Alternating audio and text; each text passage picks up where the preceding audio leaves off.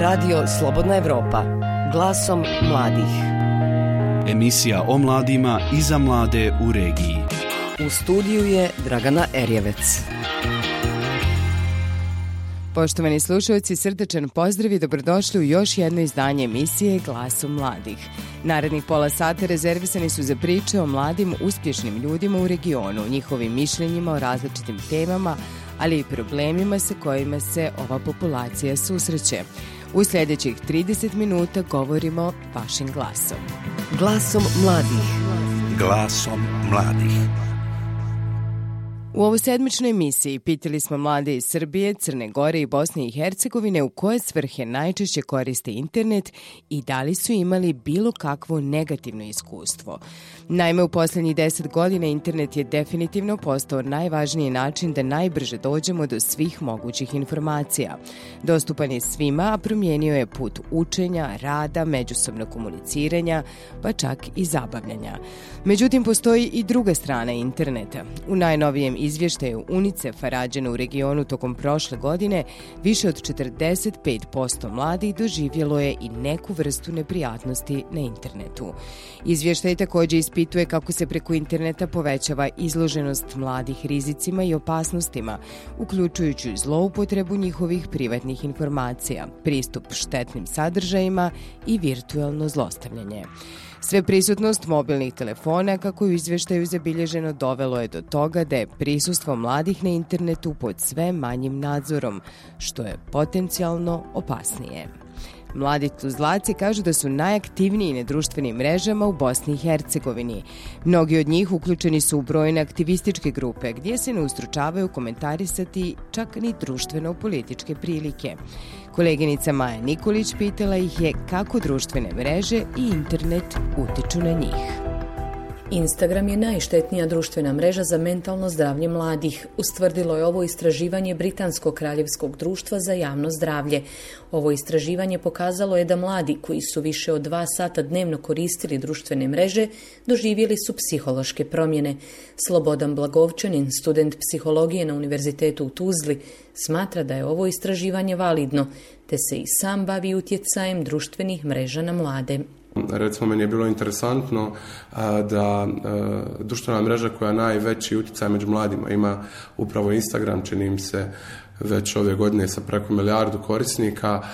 Ta društvena mreža isto tako je jedna od najzasluženijih e, za razna psihička oboljenja kod mladih i zaista razlog je i više nego jednostavan na Instagramu, bar za one koji iskoristili Instagram, znate da je moguće da se mnoge stvari ljepšavaju i dotjeruju ili kako to korisnici Instagrama zovu da, da, da koriste filtere, jeli?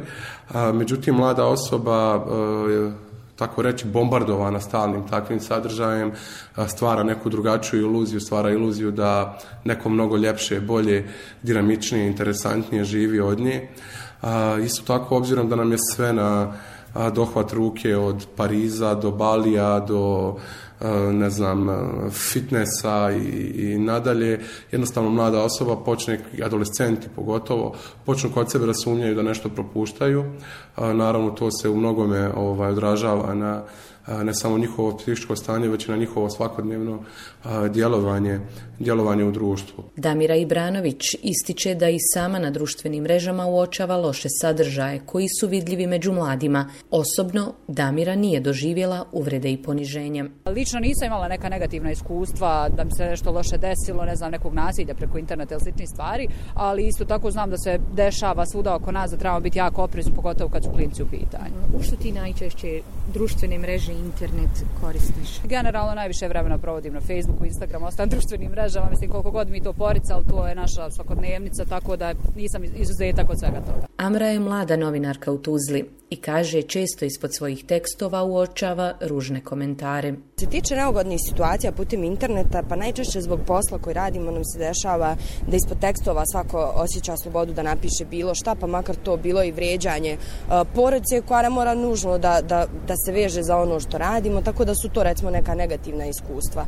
A ja ga koristim također najviše za posao i mislim da meni i često mojim kolegama je imenik zamijenio internet, tako da najviše kontakata što se tiče novinarstva možemo tu pronaći i spojiti se sa ljudima koji su nam potrebni. Samo možda mi prokomentiraš činjenicu da zapravo sami mladi ljudi sudjeluju u tim negativnim sadržajima, kako bi to evo? Pa me, meni je strašno, recimo, mislim da današnje generacije odrastaju u boljim uslovima, međutim jedini moj uh, komentar na to sve što bi mogla da napravim paralelu s prijašnjim vremenom, da danas djece nisu e, morala da se suočavaju da svako komentariše bilo šta, pa na račun njihovog izgleda, znači kada govorimo o osjetljivim godinama, kada se vi, vi formirate kao ličnost, a onda vam se dogodi da neko prokomentariše čisto zato što može da ste debeli, ružni ili bilo što što je opet neko, neki lični zaključak.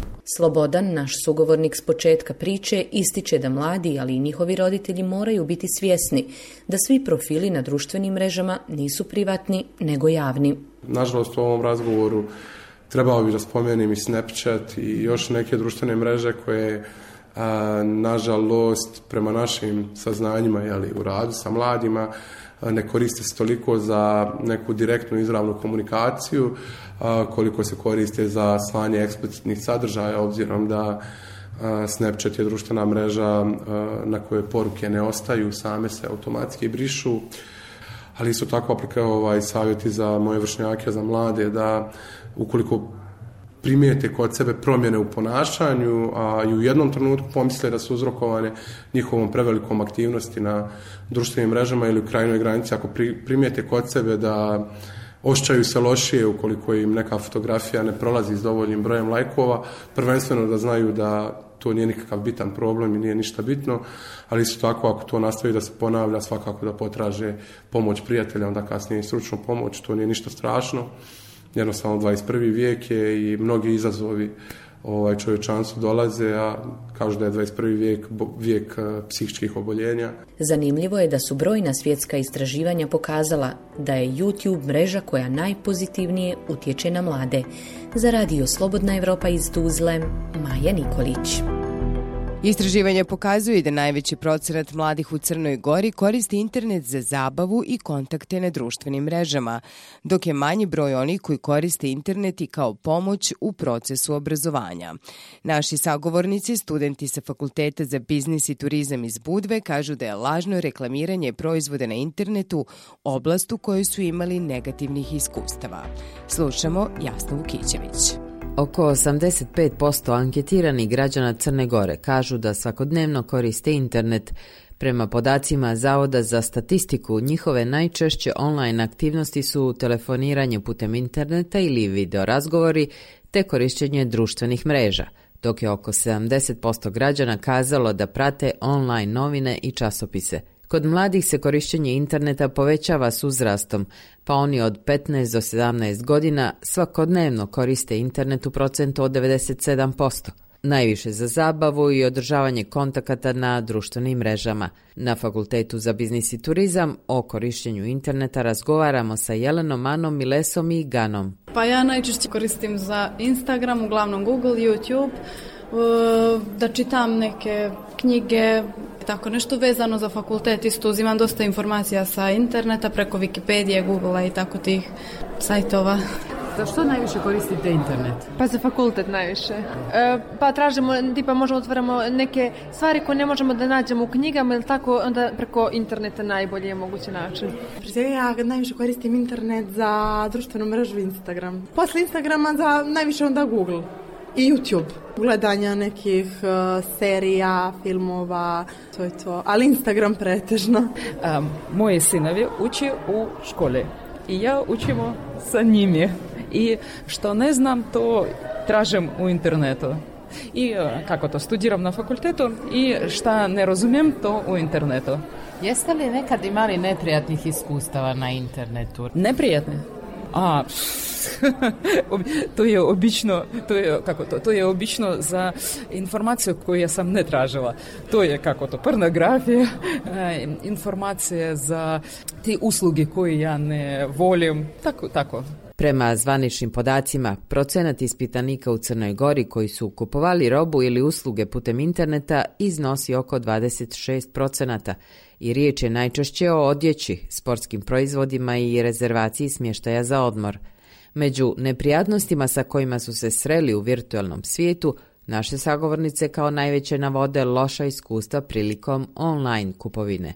Instagram je baš jedna velika, da kažem, laž, jer ljudi se predstavljaju lažno, pogotovo prodaju neke stvari što uopšte nema nikakvog smisla, ni predstavljaju, uglavnom sve to jedna zabluda ljudi kako se zaštititi od takvih neprijatnosti? Pa, um, po mom mišljenju treba ljudi prvo da se raspitaju. Ako uzme lupam uh, od neku online kupovinu, da prvo da se raspitaju da li je to zaista, da li je to taj butik baš ili je laž neka, pošto mnogi ljudi nasjedaju, pogotovo kad stave malo niže cijene. pa ja da znam, nije bilo zloupotrebe mog imena, ja uglavnom vodim računa, meni je to sve zaštićeno i niko ne može da mi vidi moj profil ukoliko ja to ne odobrim. Ovaj, a bilo je prevara što se tiče online kupovine i tako to, bilo je da se šalju neke stvari koje uopšte nisu iste kao što su na slici ko, sa koje sam poručila to ili je bilo, e, bilo je situacija u kojima sam ja samo poslala novac i tu bi me ljudi zeznuli, ne bi poslali, na primjer, to što sam naručila. Više nisam naručivala ništa online i to je to. Za radio Slobodna Evropa iz Budve, Jasna Vukićević. U Srbiji svakodnevno više od 3,5 miliona građana koristi internet, pokazuje istraživanje Republičkog zavoda za statistiku. Prema podacima te ustanove, čak jedna trećina njih koristi internet za kupovinu roba ili usluga. Koje usluge koriste mladi u Srbiji i kakvo je njihovo iskustvo na svjetskoj mreži, slušate u priči Norberta Šinkovića. Prema podacima Republičkog zavoda za statistiku, više od 96% mladih u Srbiji između 16 i 24 godine posjeduje nalog na društvenim mrežama. Najpopularniji su svakako Facebook i Instagram, ali ni stranice za deljenje video sadržaja YouTube ne gubi na popularnosti, saznajemo od 22-godišnje Bojane Tomić. Najčešće internet koristim da bi komunicirala prosto s drugim ljudima, također koristim Instagram, Facebook. Instagram često koristim, također eh, gledam prenose utakmica određenih sportskih, jako često um, YouTube, serije, filmovi, to je u suštini to. Ima i onih koji, pored zabave, internet koriste za promovisanje sobstvenog poslovnog poduhvata. Novosađanka Vanja Pajović putem platforme za deljenje fotografije i videa, Instagram, prodaje nakit. Koristim internet u svrhu promocije svog biznisa, bavim se uslužnom kupovinom i, i uh, promocijom svog biznisa, prodajem nakit na Instagramu što se tiče nekih negativnih iskustava nisam imala. Iako prema podacima Republičkog zavoda za statistiku, jedna trećina korisnika interneta u Srbiji redovno kupuje robu i usluge preko svetske mreže, ima i onih koji u buduće znatno opreznije će kliknuti na ponude na sajtovima. Među njima je i Ana Todorović. Kada sam putem interneta naručivala neku haljinu, došlo je nešto potpuno drugačije, ali nisam ništa rekla. Da internet nije mesto samo zabave, već je moguća i zloupotreba te mreže, pokazuje primer Teodore Rudan iz Novog Sada, čiji je identitet ukraden. Radilo se o sajtu za upoznavanje ljudi i neka devojka je uzela moje slike i moje podatke sa Instagrama, čini mi se, i onda sam tek nakon par meseci zapravo slučajno saznala da, odnosno videla da su to moji podaci i da se neko upoznaje eto, sa nekim ljudima. U tom momentu bila sam, imala sam 15 godina, nekako sam se bila uplašila da bilo šta e, pokrećem, zbog toga što bi onda možda E, naišla na osuđivanje zašto imam, ne znam, Instagram ili tako nešto i onda sam se nekako uplašila i kao samo sam prećutala, odnosno poslala sam ja njoj poruku da znam da mi je ukrala podatke, da im molim da obriša, ali nisam je tužila ili tako nešto i ona je se izvinjala i obrisala te podatke brzo. Iako ne postoji član krivičnog zakonika koji se specifično odnosi na krađu identiteta na internetu, isti taj pravni dokument zabranjuje neovlašćeno objavljivanje i prikazivanje tuđih slika – Na osnovu tog zakona postoji mogućnost privatne tužbe. Za Radio Slobodna Evropa iz Novog Sada, Norbert Šinković. Glasom mladih. Emisija o mladima i za mlade u regiji. Nedjeljom u 18 sati i 30 minuta. Emisiju Glasom mladih nastavljamo pričama o uspješnim mladim ljudima iz Bosne i Hercegovine. U prvoj priči upoznajemo troje srednjoškolaca iz Konjica koji svoje slobodno vrijeme provode volontirajući u Crvenom krstu u tom gradu. Sa mladim volonterima razgovarala Mirsada Ćosić. Crveni križ Konjic kroz svoje aktivnosti trudi se da pomogne stanovnicima Konjica kojima je ta pomoć zaista i potrebna. Amina Mađak, Alana Mustafić i Denis Kevrić, učenici srednje škole Konjic, svoje slobodno vrijeme podarili su za humanitarni volonterski rad upravo u Crvenom križu u svom gradu.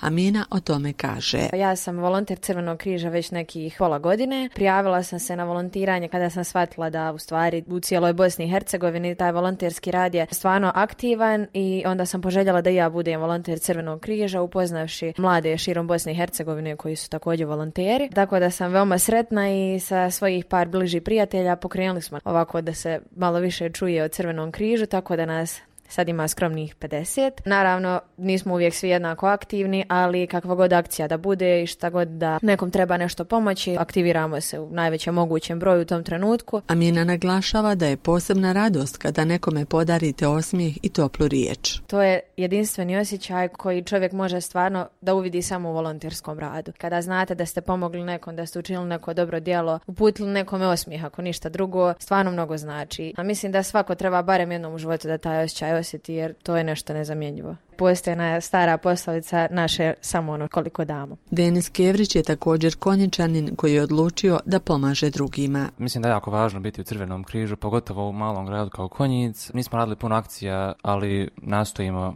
raditi što više i da pomognemo ljudima kojima je potrebno. Mislim da mi je definitivno jedna od najdražih akcija što smo radili kada smo otišli posjetiti djecu sa posebnim potrebama. Nisam očekivao da ću, da ću osjećati onako ljubav i da ću se onako osjećati kao da sam učinio nešto veliko. Male stvari su važne, kao na primjer ako otvorimo nekome vrata da izađe ili na primjer pomognemo starijoj ženi da pređe cestu i takve male stvari da postanu, kako da kažem, normalne nama, da ne budu nam neugodne i da stvarno pomažem ljudima koliko god možemo. Ja radim takve stvari i mislim da je to važno i da bi to svi trebalo raditi. U Crvenom križu svi volonteri su složni i zajedno realiziraju razne akcije pomoći svojim sugrađanima, kaže nam Denis. U našoj grupi na Viberu smo prilično svi tu kada god nešto je potrebno, na primjer, donirati odjeću hranu, svi smo tu odmah i kogod uh, može da pomogne, odmah će pomoći. Lana Mustafić ističe da je tri mjeseca aktivna u Crvenom križu Konjic to je uh, ispunjenje čovjeka i stvarno se ne može mjeriti ni s čim. Dobro se dobrim vraća i ja stvarno vjerujem u to. Mislim da se mladi stvarno pokreću što se tiče i smišljanju tih novih ideja, te i realizovanju istih. Te i mi svi zajedno pokušavamo u grupi iznijeti te neke naše pokušaje organizacije, neke pomoći, te i na taj način pokušamo da uljepšamo, a i olakšamo nekoj osobi život.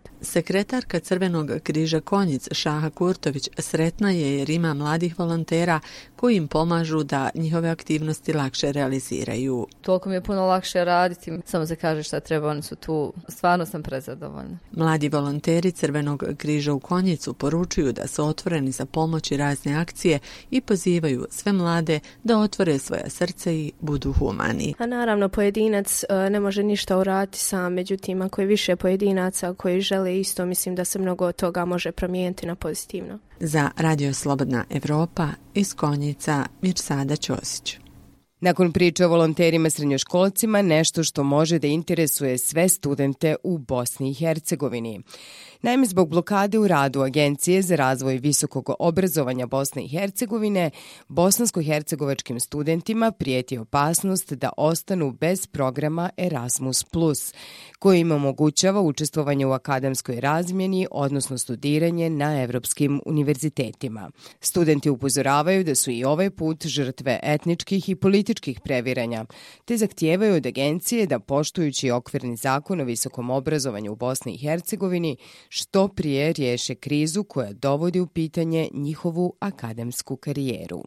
Slušamo koleginicu Mariju Augustinović. Zbog blokade u procesu akreditacije na udaru bi se prvi mogli naći studenti šest javnih i privatnih univerziteta iz Zenice, Banja Luke i Istočnog Sarajeva, kojima je akreditacija istekla prošle godine. Hida Kurtić iz BH Ogranka međunarodne organizacije Erasmus Student Network upozorava da isti problemi potom čekaju i ostale BH univerzitete kojima prijeti izbacivanje iz programa Evropske unije Erasmus+. E, niko zaista nije ni svjestan posljedica koje mogu da nastanu zbog sve situacije, budući da studenti neće moći više da idu na razmjene unutar Evropske unije, zatim profesori isto tako neće moći na edukacije, A, pored toga, strani studenti neće moći dolaziti u Bosnu i Hercegovinu da studiraju. Agencija za razvoj visokog obrazovanja Bosne i Hercegovine dobila je iz Evropske unije rok da do 31. marta produži akreditacije univerzitetima. Međutim, za ovaj proces potrebna je nova odluka o normama kojima se utvrđuju minimalni standardi u oblasti visokog obrazovanja u BiH, a njeno usvajanje je blokirano političkim i etničkim nesuglasicama u agenciji. Direktor agencije Enver Halilović podsjeća da su protiv ove odluke 2016. godine glasali članovi upravnog odbora iz reda srpskog naroda, ali ističe da uskoro očekuje rješavanje ovog problema. Argument je bio donošenje zaključka na vladi Republike Srpske da se ne usvaja odluka o normama na osnovu kojeg se vrši akreditacija zato što to po ocjeni donosioca tog zaključka, taj dokument znači prenos nadležnosti. Napominjem da je 2011. godine postojao isti taj dokument za, na kojem je, po kojem je rađena akreditacija. Univerzitetska profesorica i bivša članica upravnog odbora agencije Lamija Tanović upozorava da će bez dogovora o nastavku akreditacije univerziteta osim Erasmusa biti ugroženi i ostali akademski programi Evropske unije. Osnovna zamjerka je bila politički utjecaj. I druga, recimo, je važna zamjerka bila način kako se biraju članovi upravnog odbora, koji su kobajagi nezavisni, a u stvari su svi na koncu politike.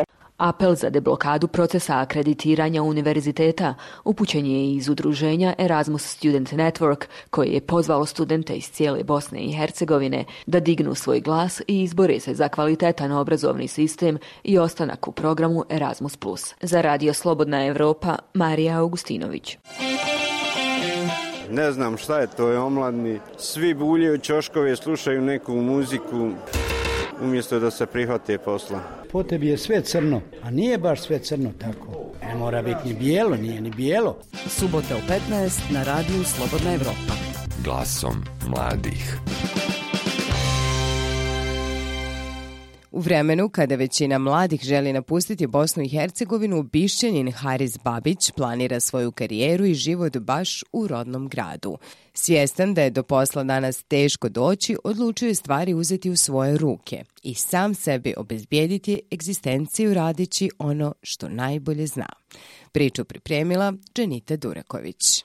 Ovih dana u Bihaću sa radom počinje škola sporta za djecu uzrasta od 4 do 10 godina. U nedostatku posla 26-godišnji Haris Babić, uskoro magistar tjelesnog odgoja, odlučio se na ovaj potez kako bi sebe obezbijedio egzistenciju, ali i kako bi najmlađim sugrađanima pružio priliku da od ranog djetinstva upoznaju se sa svim sportskim disciplinama i zapravo shvate koliko je za njihov razvoj značajno bavljenje bilo kojim sportom. Uzimajući u obzir baš tu nezaposlenost i sam sam nezaposlen, pored tog školovanja nisam čekao da mi neko ponudi priliku, želio sam da sam sebi stvorim i mislim da je sad pravo vrijeme da krenem da podignem to sve na jedan veći nivo što se tiče moje te sportske karijere, tako da sam odlučio ovu godinu znači, osnovati svoju školu sporta za djecu, također tip škole je univerzalni, gdje ću ja sa djecom raditi plivanje, skijanje. Haris je rad sa djecom zavolio još tokom studiranja, pa su i sve njegove kasnije aktivnosti i angažmani vezani upravo za rad sa djecom. Po završetku fakulteta pet godina proveo je u radu sa djecom u Univerzalnoj školi sporta UNA.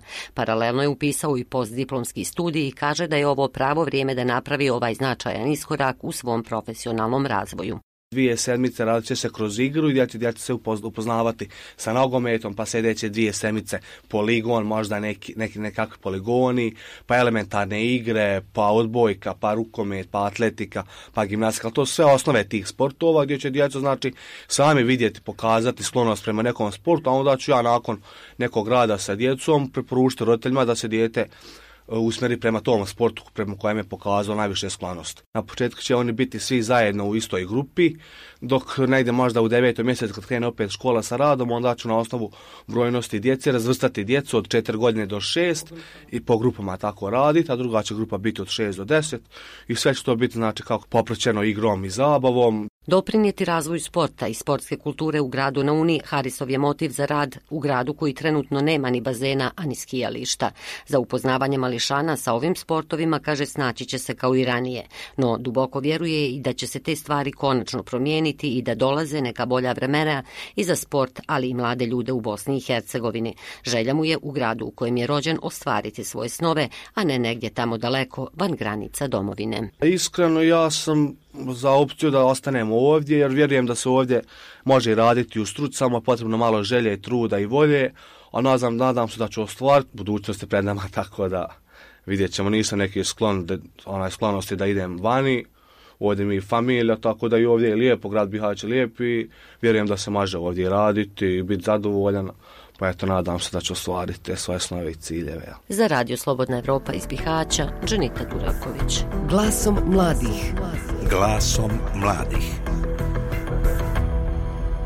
Za kraj emisije jedna muzička priča. Isak Haračić, mladi je violončelista koji je u svojoj relativno kratkoj karijeri ostvario brojne uspjehe, nastupivši na prestižnim svjetskim pozornicama.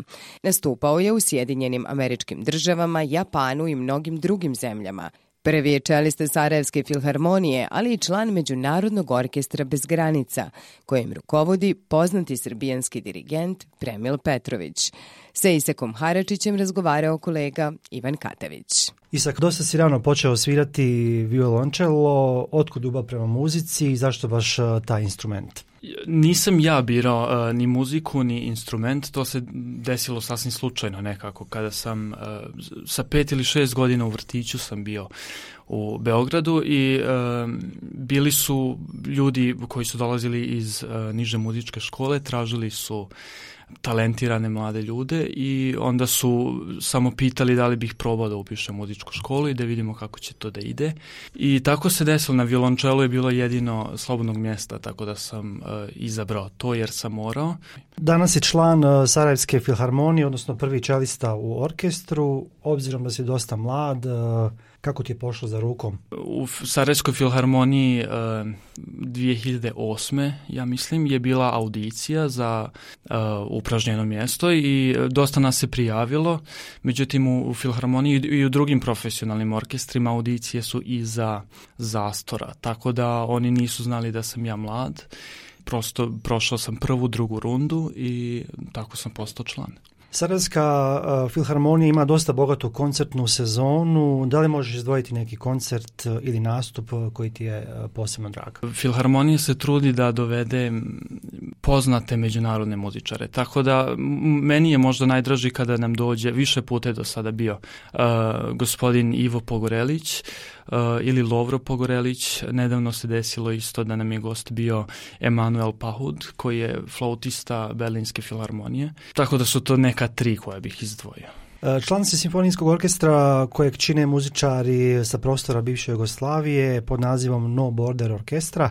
E, kako je došlo do tog angažmana? Orkestar se trudio da okupi najbolje muzičare iz uh, bivše zemlje i da oni uh, zajedno prave različite koncerte gdje bi cilj bio pomirenje, dijalog, i rošenje raznih predrasuda. Tako da mi vrlo aktivno uh, radimo i dalje, imamo koncerte stalno i BH bil, nam je bilo najteže nekako područje da napravimo koncert, ali to se desilo napokon u Sarajevu, bar uh, prethodnog ljeta i sad se projekti nižu dalje. Svirao si sa Međunarodnom omladinskom filharmonijom u Njujorku. Kako je to bilo iskustvo? Bilo je odlično iskustvo. Mi smo dva mjeseca boravili u Njujorku i uh, imali smo priliku i da sarađujemo i sa Njujorškom filharmonijom i Metropolitan operom koje su njihove vodeće uh, ustanove za klasičnu muziku. Uh, bilo je odlično iskustvo, puno sam naučio i puno toga sam donio ovdje, ja mislim što mogu da upotrebim u svom radu, u, u radu sa filharmonijom, No Bordersim ja, ili sa bilo kim drugim. Eh, obzirom da si dosta svestran, da evo sudjeluješ u mnogim projektima, što još trenutno radiš? Trenutno moje glavna, moja glavna okupacija je Sarajevska filharmonija uh, i No Borders orkestar. Uh, u Sarajevskoj filharmoniji stalno imamo koncerte, publika uvek može da, da se informiše na, na sajtu filharmonije ili uh, za No Borders orkestar uh, mi imamo dosta projekata ovog ljeta baš i uh, dolazit ćemo, držat ćemo master klasove u Sarajevu i u BiH gdje mi pokušamo da postaknemo mlade ljude da, da više vježbaju, da rade na sebi i da nekako podržimo život klasične muzike u, u BiH. Isak, hvala puno na razgovoru. Hvala vama na pozivu. Bilo je to sve u ovo sedmičnoj emisiji Glasom mladih. Iz Sarajevskog studija pozdravljaju vas Enes Hrnjičić i Dragana Erjevec.